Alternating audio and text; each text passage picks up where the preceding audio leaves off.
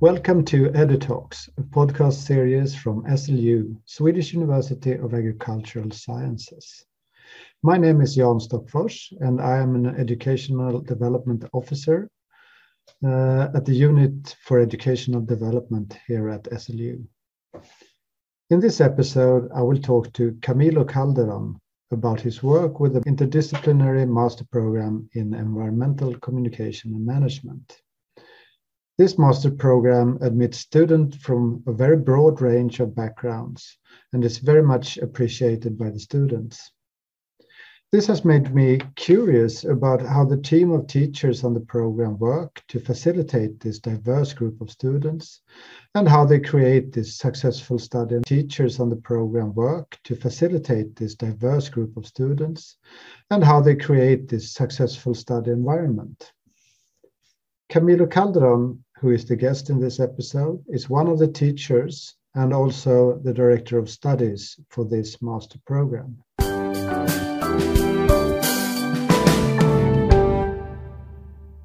Welcome to this podcast, Camilo. Thank you. I'm I'm really excited. Uh, looking forward to our conversation and to share our experiences of the environmental communication and management uh, program. Uh, thank you for for the invitation. Yeah, uh, and we're going to talk about your work with this master program in environmental communication and management. But before we get into today's topic, maybe we should say a few words about who is Camilo Calderon. Yeah, I am the study director of the Masters LU, uh, which is run by the Division of Environmental Communication, uh, that is in Uppsala. I'm also a researcher and a lecturer, so I'm beside my role as study director, I am a course coordinator for two of the courses that we have in the program. And then I have research projects, which I will try to include also in, in the teaching. Mm-hmm. Uh, and if we turn to this program, why is there a master program in environmental communication management? What do you and the other teachers want to achieve with the students in this program? Uh, I think that's a really interesting question, but let's let me start first by explaining very shortly what environmental communication is. And in simple terms, environmental communication encompasses all communication about environmental and sustainability issues. So, from the environmental documentary that you watch and talks about a protest against a mining project or the speech of a politician and whether he or she talks about climate change but also uh, the post on Facebook that a friend makes in terms of how good it feels to bike and how that contributes to the environment, or even a conversation with your parents when they're trying to convince you not to be a vegetarian. So, all these forms of communication uh, we see as environment communication. What is important about these communication practices is that through them, we are constantly creating meaning. In other words, from what we see, what we talk, what we read, we're making sense of what we consider to be an environmental an environmental challenge. Uh, if we don't, if we consider it a challenge or not, to what degree, and the same goes for what we consider as appropriate actions to address them. So the reason why there is a master program in environmental sustainability issues requires understanding of these communication processes and all, the, all these communication practices that I was talking about. And it also requires skills to be able to be part and hopefully transform or shape those communication processes, either through environmental campaigns or strategy, but also be able to facilitate and, and manage those communication processes, especially when different actors with opposing views, opposing perspectives come together, when there is conflict. We put a lot of emphasis in our teaching and in our program about uh, learning how to facilitate such kind of processes. And those are processes that are important because they define, again, what they consider to be an environmental challenge, an environmental problem, and how to solve it. Mm-hmm. Very interesting. But, uh, but how about you? How to be an environmental challenge, an environmental problem, and how to solve it. Hmm. very interesting. But, uh, but how about you? How did you get to start working on this program?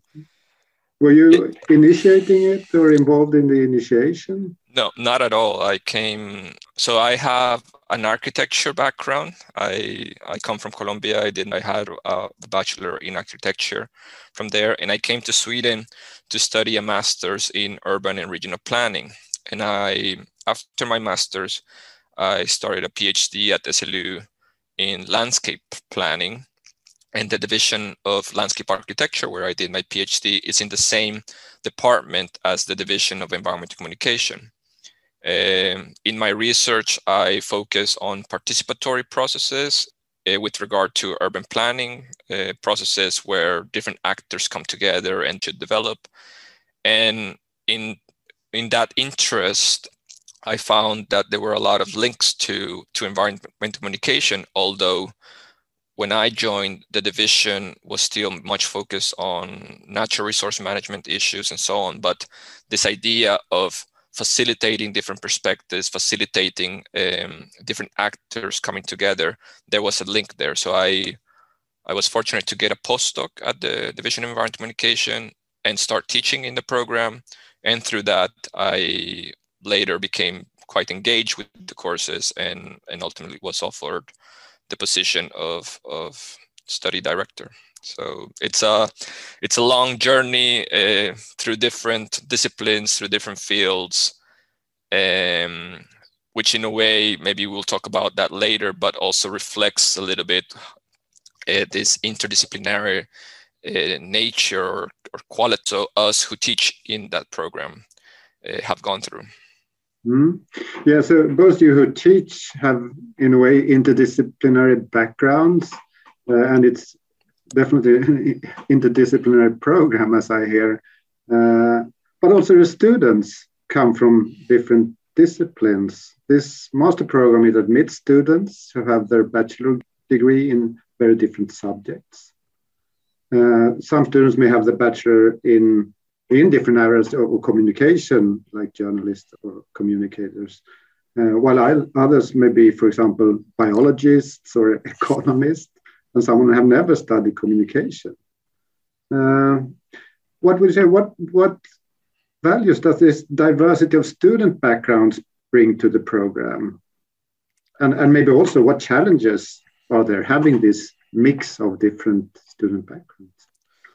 So the divert to this idea that I was talking about, how different perspectives, different forms of communication, they are all part of what we consider environmental communication. So our view is that environmental management or environmental problems cannot be solved or understood by only one type of disciplines or one type of knowledge.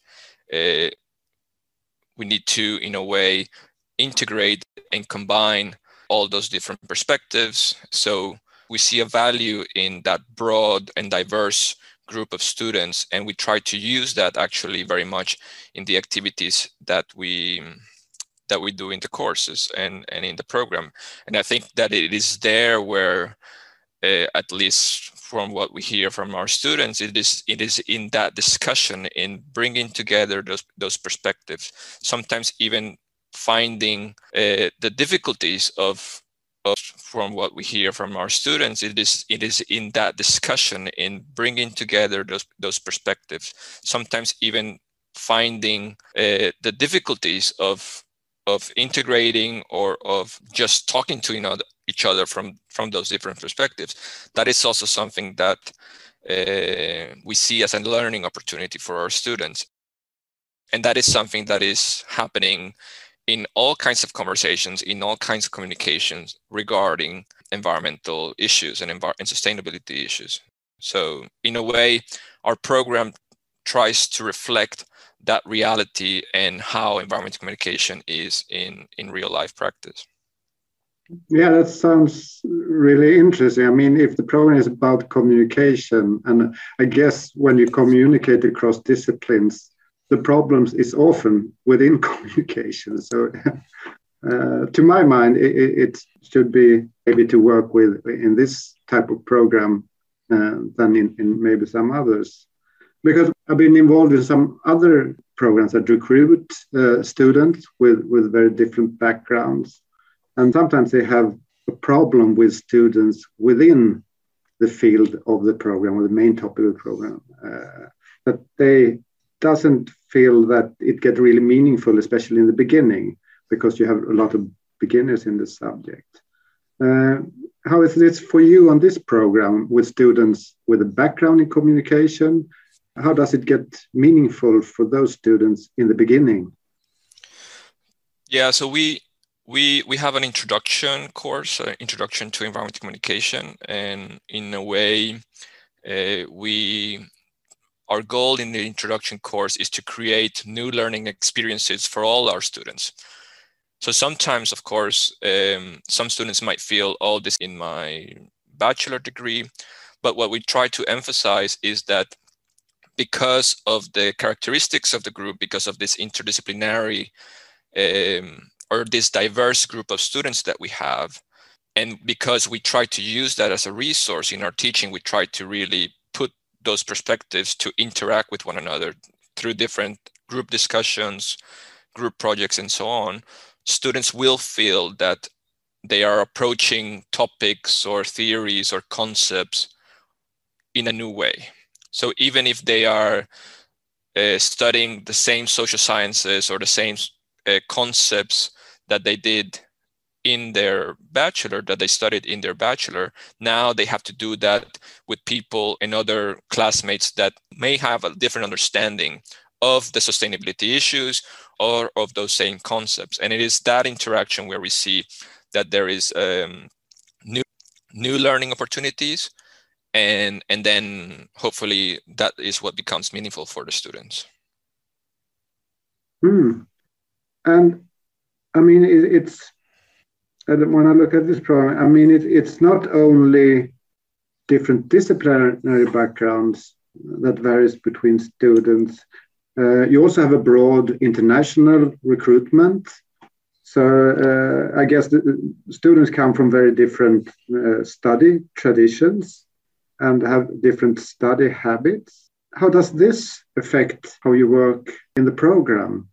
That students come from different uh, study traditions?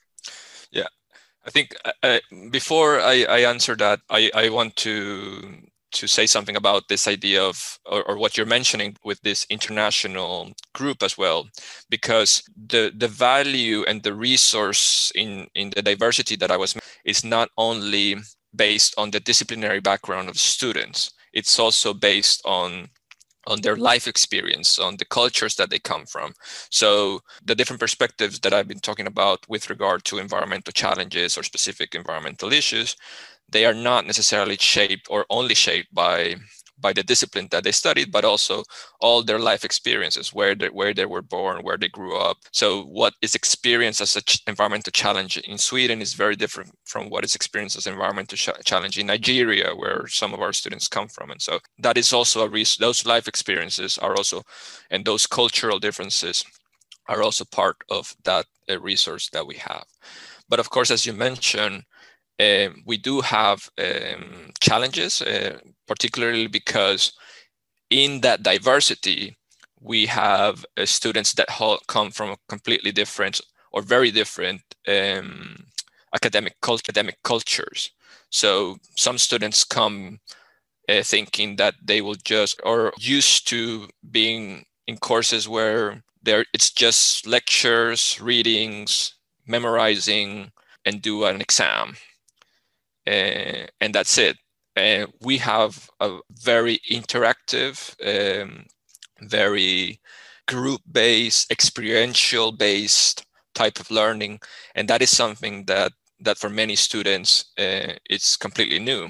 So it's a challenge um, at the beginning because students are like just waiting for the teachers to just tell them this is what you need to learn this is what what is important. We do that, of course. We have lectures, we have uh, literature um, that students need to read, but we also expect that students uh, take initiative and through the different uh, group projects learn on their on their own, but most importantly, but most importantly, reflect about the different theories, be able to be critical, look at them from a critical angle, and and really try to identify their own opinions or their own thoughts with regard to that. And that is something that can be a challenge for some students, but it's also something that we see as something that will will they will be able to develop throughout the program. So although there is um, a certain part of reflection and, and critical thinking in the introductory course, um, that it is part of a progression throughout the whole program where we think where we expect that students later will be able to get it. So I think most students manage to quickly get used to this new way of learning and of, of being part of a course. Um, and then eventually, I think it is um, as as course continues because we have it's it's very similar in other courses, so they mm. will they get used to that. Mm. Yeah, and, and as, as, you say, you work a lot with this, uh, also in, or maybe especially in your first course when they come to SLU. And I mean, I have also talked to a few of your students, uh, and, and I think all of them they very much appreciate meeting different people, both with different subject backgrounds and also people with different experiences. Uh, some have a lot of work experience, some come directly from university in various places uh, in the world. But could you briefly describe a bit more about how do you work with this in the first course? I, I guess this the challenge you mentioned that might be.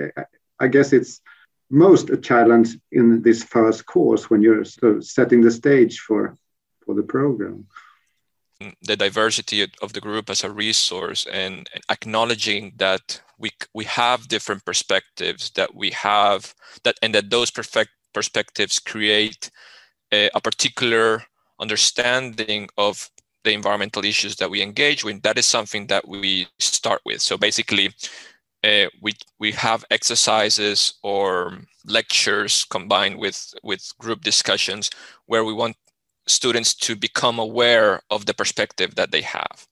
So really think, okay, I have this background in biology, or I have this background in environmental sciences, or I have this background in po- political science. How do I then, how does that shape or influence the way that I look at, at a certain problem, at a certain environmental issue?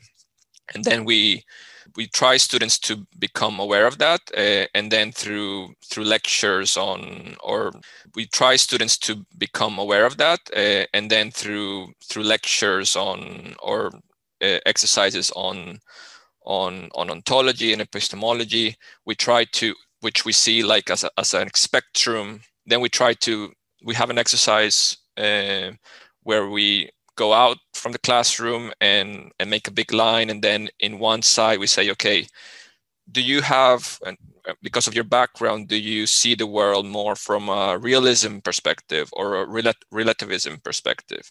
Right? Or do you see the and then we, we create a spectrum of that. Or or is is is your background or the knowledge that you received in your education is it more towards the objective side or the more subjective side? And then we, by students positioning themselves in that they become very aware of how the perspective is shaping the way that they see the problems the way they communicate about.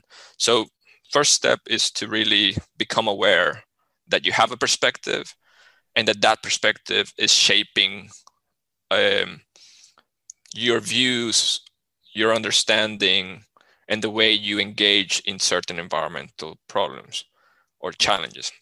And then once you become aware of that, you can reflect that maybe that is also creating a more, if we think about environmental challenges as being this complex complex phenomena that need the different perspectives, then you become aware that you actually can contribute, and it's important that you integrate that with other perspectives because all of these perspectives are needed to understand this complex.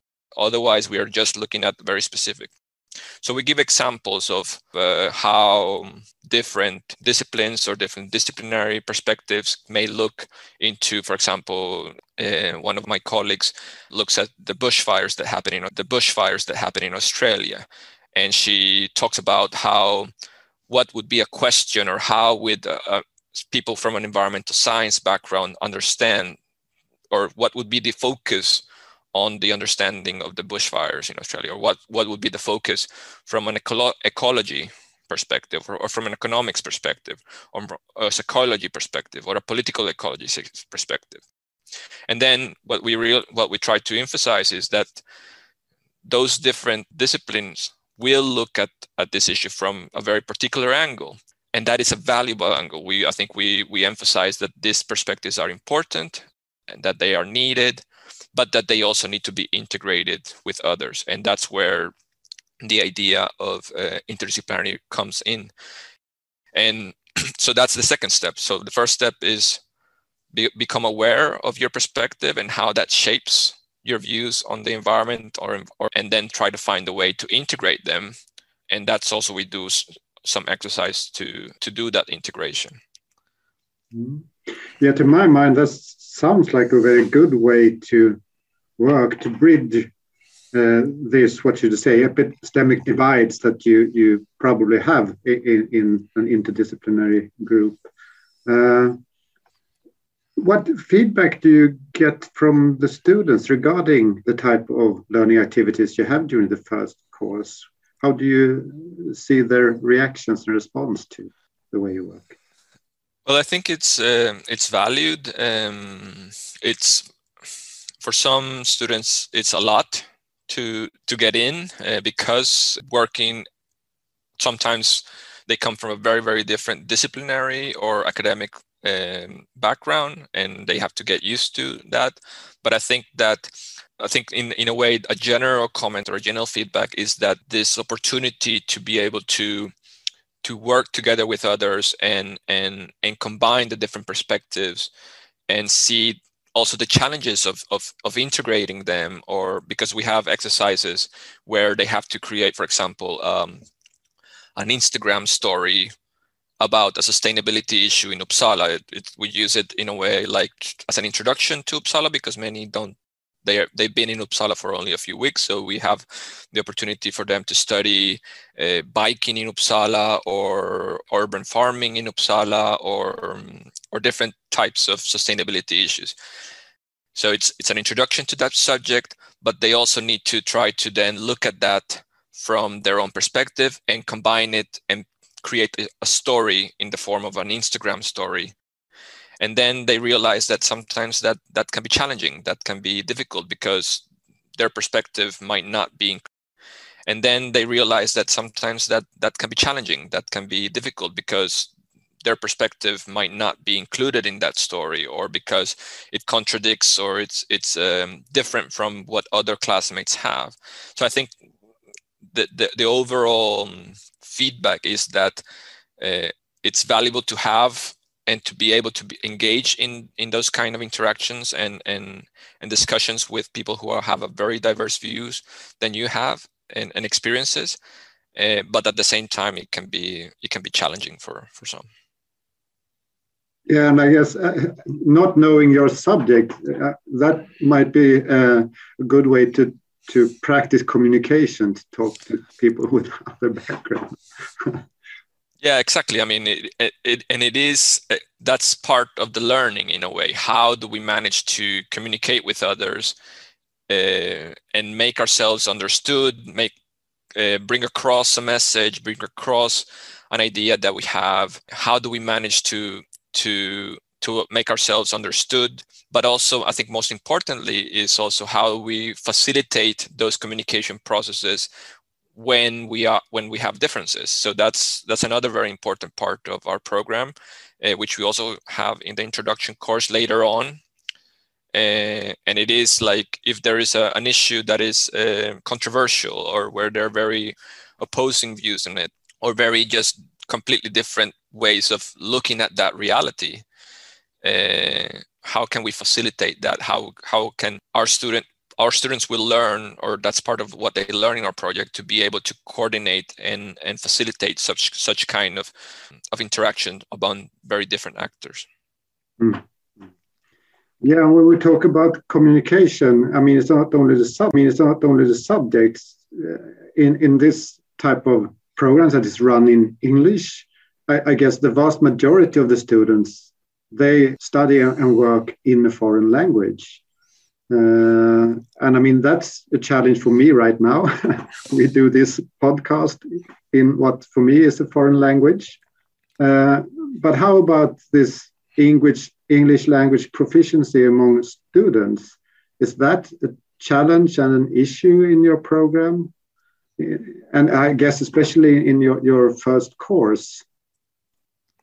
Yes, we, we, we do have, although we we have uh, prerequisites for a certain level of, of proficiency in, in English language. We do have some students that, although they might have um, studied English in in their schools or or as part of courses in their in their bachelors, it's the first time that they will use English. Mm. It was the same for me. I, I, I knew English, but it's it's different when you're talking it like more in a social context and really using it in all the time and and in lectures and with complex concepts or, or reading uh, articles that are quite advanced. So it is a challenge. Um, we try to, in the introduction course, we try to work with that. Uh, so we have a good collaboration with SLU Library. They come and, and have several workshops on, not necessarily on English, but uh, on on argumentation, on structuring uh, text. We also so progression again is a, is an important part of the course and of the program so we try to do assignments that are let's say at the lower the first steps in academic writing so we're not asking them to to write a paper following an imrad structure but more like a following an imrad structure but more like an essay with an introduction a body and conclusion so uh, but we do want students to start uh, practicing and and getting uh, writing skills and argumentation skills with with the assignments. Um, all of our courses are are graded and, and examined based on on essays or papers that they write. So uh, our hope is that uh, by the time they reach their thesis, they will be very skillful in that, and that will of course be able be very useful for when they they go out and practice and and have to to engage in different forms of, of communication writing reports or, or or speeches or giving presentations and so on so but uh, but still we we do have uh, some students that um, that the, the problem is is more on the language as such grammar and and this kind of things and and and this kind of things and and it's a challenge because that is something that we cannot really teach in our course. So we, what we've done in our program, at least, we have uh, created a document with different resources, web pages on tips on how to write better, how to structure a paper, um, uh, YouTube videos, and different kinds of sources that that students could use on their own to develop their their language skills and, and academic writing skills. Mm. Yeah, I can say that. I mean, in, in, all master programs, you need this progression in academic writing, and here the language, foreign language part comes in as well. Uh, and I think for most students, that's something you can work. And you see, say you provide resources and so on to work on progression of writing. Can you also see uh, a progression in the spoken English through that they become more and more active in discussions and so on. Does that, can you see a progression there as well? Yeah, I guess so. I, it's, uh, I mean, I am, you can definitely see progression in students when it comes to writing because as I said, they have to do so much uh, writing written assignments. But um, I guess because they they have so much of this group projects and and interaction in class uh, some students become more and more familiar with that and become more comfortable also in being able to speak up and, and share it. We also encourage very much, uh, try to have uh, a balanced participation in the classroom. So our our lectures are, I think, uh, most of us have tried to create discussions within the lectures and so on, and we try to encourage as much as we can those who who might feel that let's say encourage participation not necessarily in the in the open lecture but we create smaller groups uh, hmm. now for example that we are doing online uh, it's it's quite easy to just do these breakout groups and there we find that students who might not share their experiences or their their thoughts in in a plenary session they will share them there or feel much more comfortable to do that there hmm. so so we try to integrate these different ways or different possibilities for students to to participate and and practice those spoken communication um, yeah to develop that as part of their studies Mm, that sounds good because I, I, know myself, if I haven't spoken English for a long time, it takes some time to get started. Uh, and, and I guess also if you are shy and, and normally don't take a big space in discussions, doing things in a hesitant to speak up. Yeah, we, we also, for example, in we, because we have uh, uh, projects that students have to do in groups, uh, so and then they have to make a presentation of them. We encourage that everybody uh, takes a role in the presentation and things like that. So mm. students are in a way getting different opportunities in different ways to to practice that. Mm. Great. Yeah, and I think this type of what you say, interdisciplinary programs uh, that also recruit students with different backgrounds, both uh, from different parts of the world and also from different disciplines. Uh, I have a feeling that they become more and more common. We have more and more of those types of programs, and I think the big problems we have now they are interdisciplinary. So, so we really need this type of competence. That, and I think the big problems we have now they are interdisciplinary so so we really need this type of competence that you says that you work with in this program and finally for for this podcast episode it would be interesting to hear a, a little bit about your advice to teachers that are about to start this type of, of interdisciplinary master programs that also have a broad international recruitment what, what would you say? What should they be prepared for and think through before they start a program like this for the first time? What are some special things you think that they should reflect upon? Yeah, well, I I think that um, as as we have been talking in the beginning, I think it is important to kind of meet the students in the in the moment where they where they where they are at their start. So it's it's important in in subjects or topics or or activities, course activities that are already having this interdisciplinary uh, component, but it, it's, it's in a way important to take them step by step. And what we do it like like I was saying, what we do is first just realize that you have your own perspective, that that perspective is valuable, and then in the next steps try to make them realize why is it important then that you integrate or put that perspective in in relation to others what are the challenges of that and then a third step would be okay let's start practicing that idea of of, of interdisciplinary i think it's as i as i mentioned our program is very much on on experiential learning so this exercise that I was mentioning regarding the Instagram stories, that is, we, we actually call it actually call it or it's part of the name is experiencing interdisciplinarity. So it's not just a conceptual thing. It's not something that they read about or they hear in a lecture, but they actually actually have to put it into practice.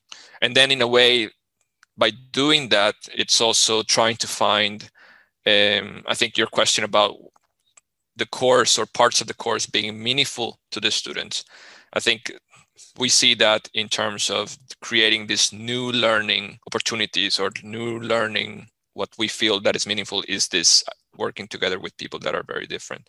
So try to emphasize that. Try to um, and make it explicit. I mean, I think it's it's important for students to understand that process that I to take them through and that understand that it is a progression, that it is something that they would at times maybe feel that it's repetitive for some, but that at a certain point there will be new components into be new components into into their their learning and, and they will be able to learn from that. Mm, so to me, it sounds like communicating with the students uh, about their studies, uh, and you, could say a sort of meta communication about what you are doing. That sounds very central. That's exactly. That's a really good point. And meta communication is a very important part of of our courses. Or zooming out and really telling why is it that we're doing this, really making visible for them why it is important to do it, and not just keeping to the actual activity and not really explaining why are we doing these different steps or or why are they important mm-hmm. and also when we talk about advice for for other teachers do you have any advice concerning how, how to monitor the students experiences to make sure that all students understand this context and what your experiences to make sure that all students understand this context and what you're doing and also feel included?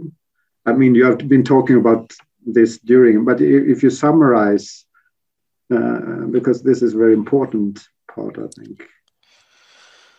Uh, yeah, I think the monitoring part is a, is a little bit difficult because our courses are, especially the introduction course, is a it's a big course. It's around 40 students, and then we have a lot of group activities so it's difficult to really uh, sometimes have such kind of monitoring. I mean uh, of course uh, there are individual assignments and it's there when we actually uh, are able to see if, if, students are achieving the learning goals that we have in the course and so on. But i guess it's also one thing that we have in our courses is that we have moments or project work, we try to to end it up with not only a submission but also a discussion of how it went and and what happened.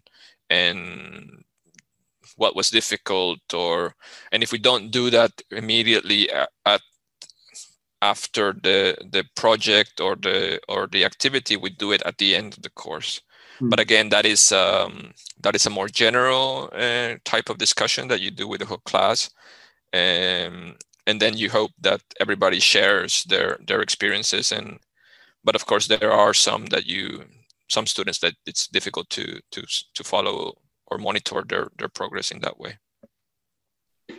Do you have a, i mean the students work a lot in in groups uh, and have assignments in smaller groups. Do you have a feeling that they support each other in this way uh, definitely, and I think that is that is something that we try to, or I at least try to emphasize a lot in in the courses that I have. It is, and it is that together we learn. I mean, we can that through our discussions. So we have uh, let let's be very concrete. So we have literature seminars. Sometimes we have literature seminars where there is no teacher involved. It's just the students get the instructions and they they, they have to in groups discuss uh, a text.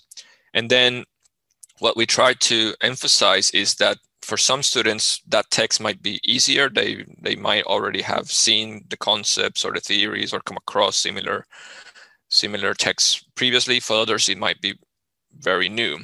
So for those that are in the discussion of that in that seminar if a student that already is familiar with those ideas manages to uh, explain to the others how they understood it or or tries to answer the questions that the other have answer the questions that the other have. There is there is a learning opportunity there. I mean it's not so we try to be very generous in a way and, and encourage generosity in our students that so that they share and help each other and and through that i think maximize or have an uh, an additional way of learning which is not only the lecture or not only the assignment and so on.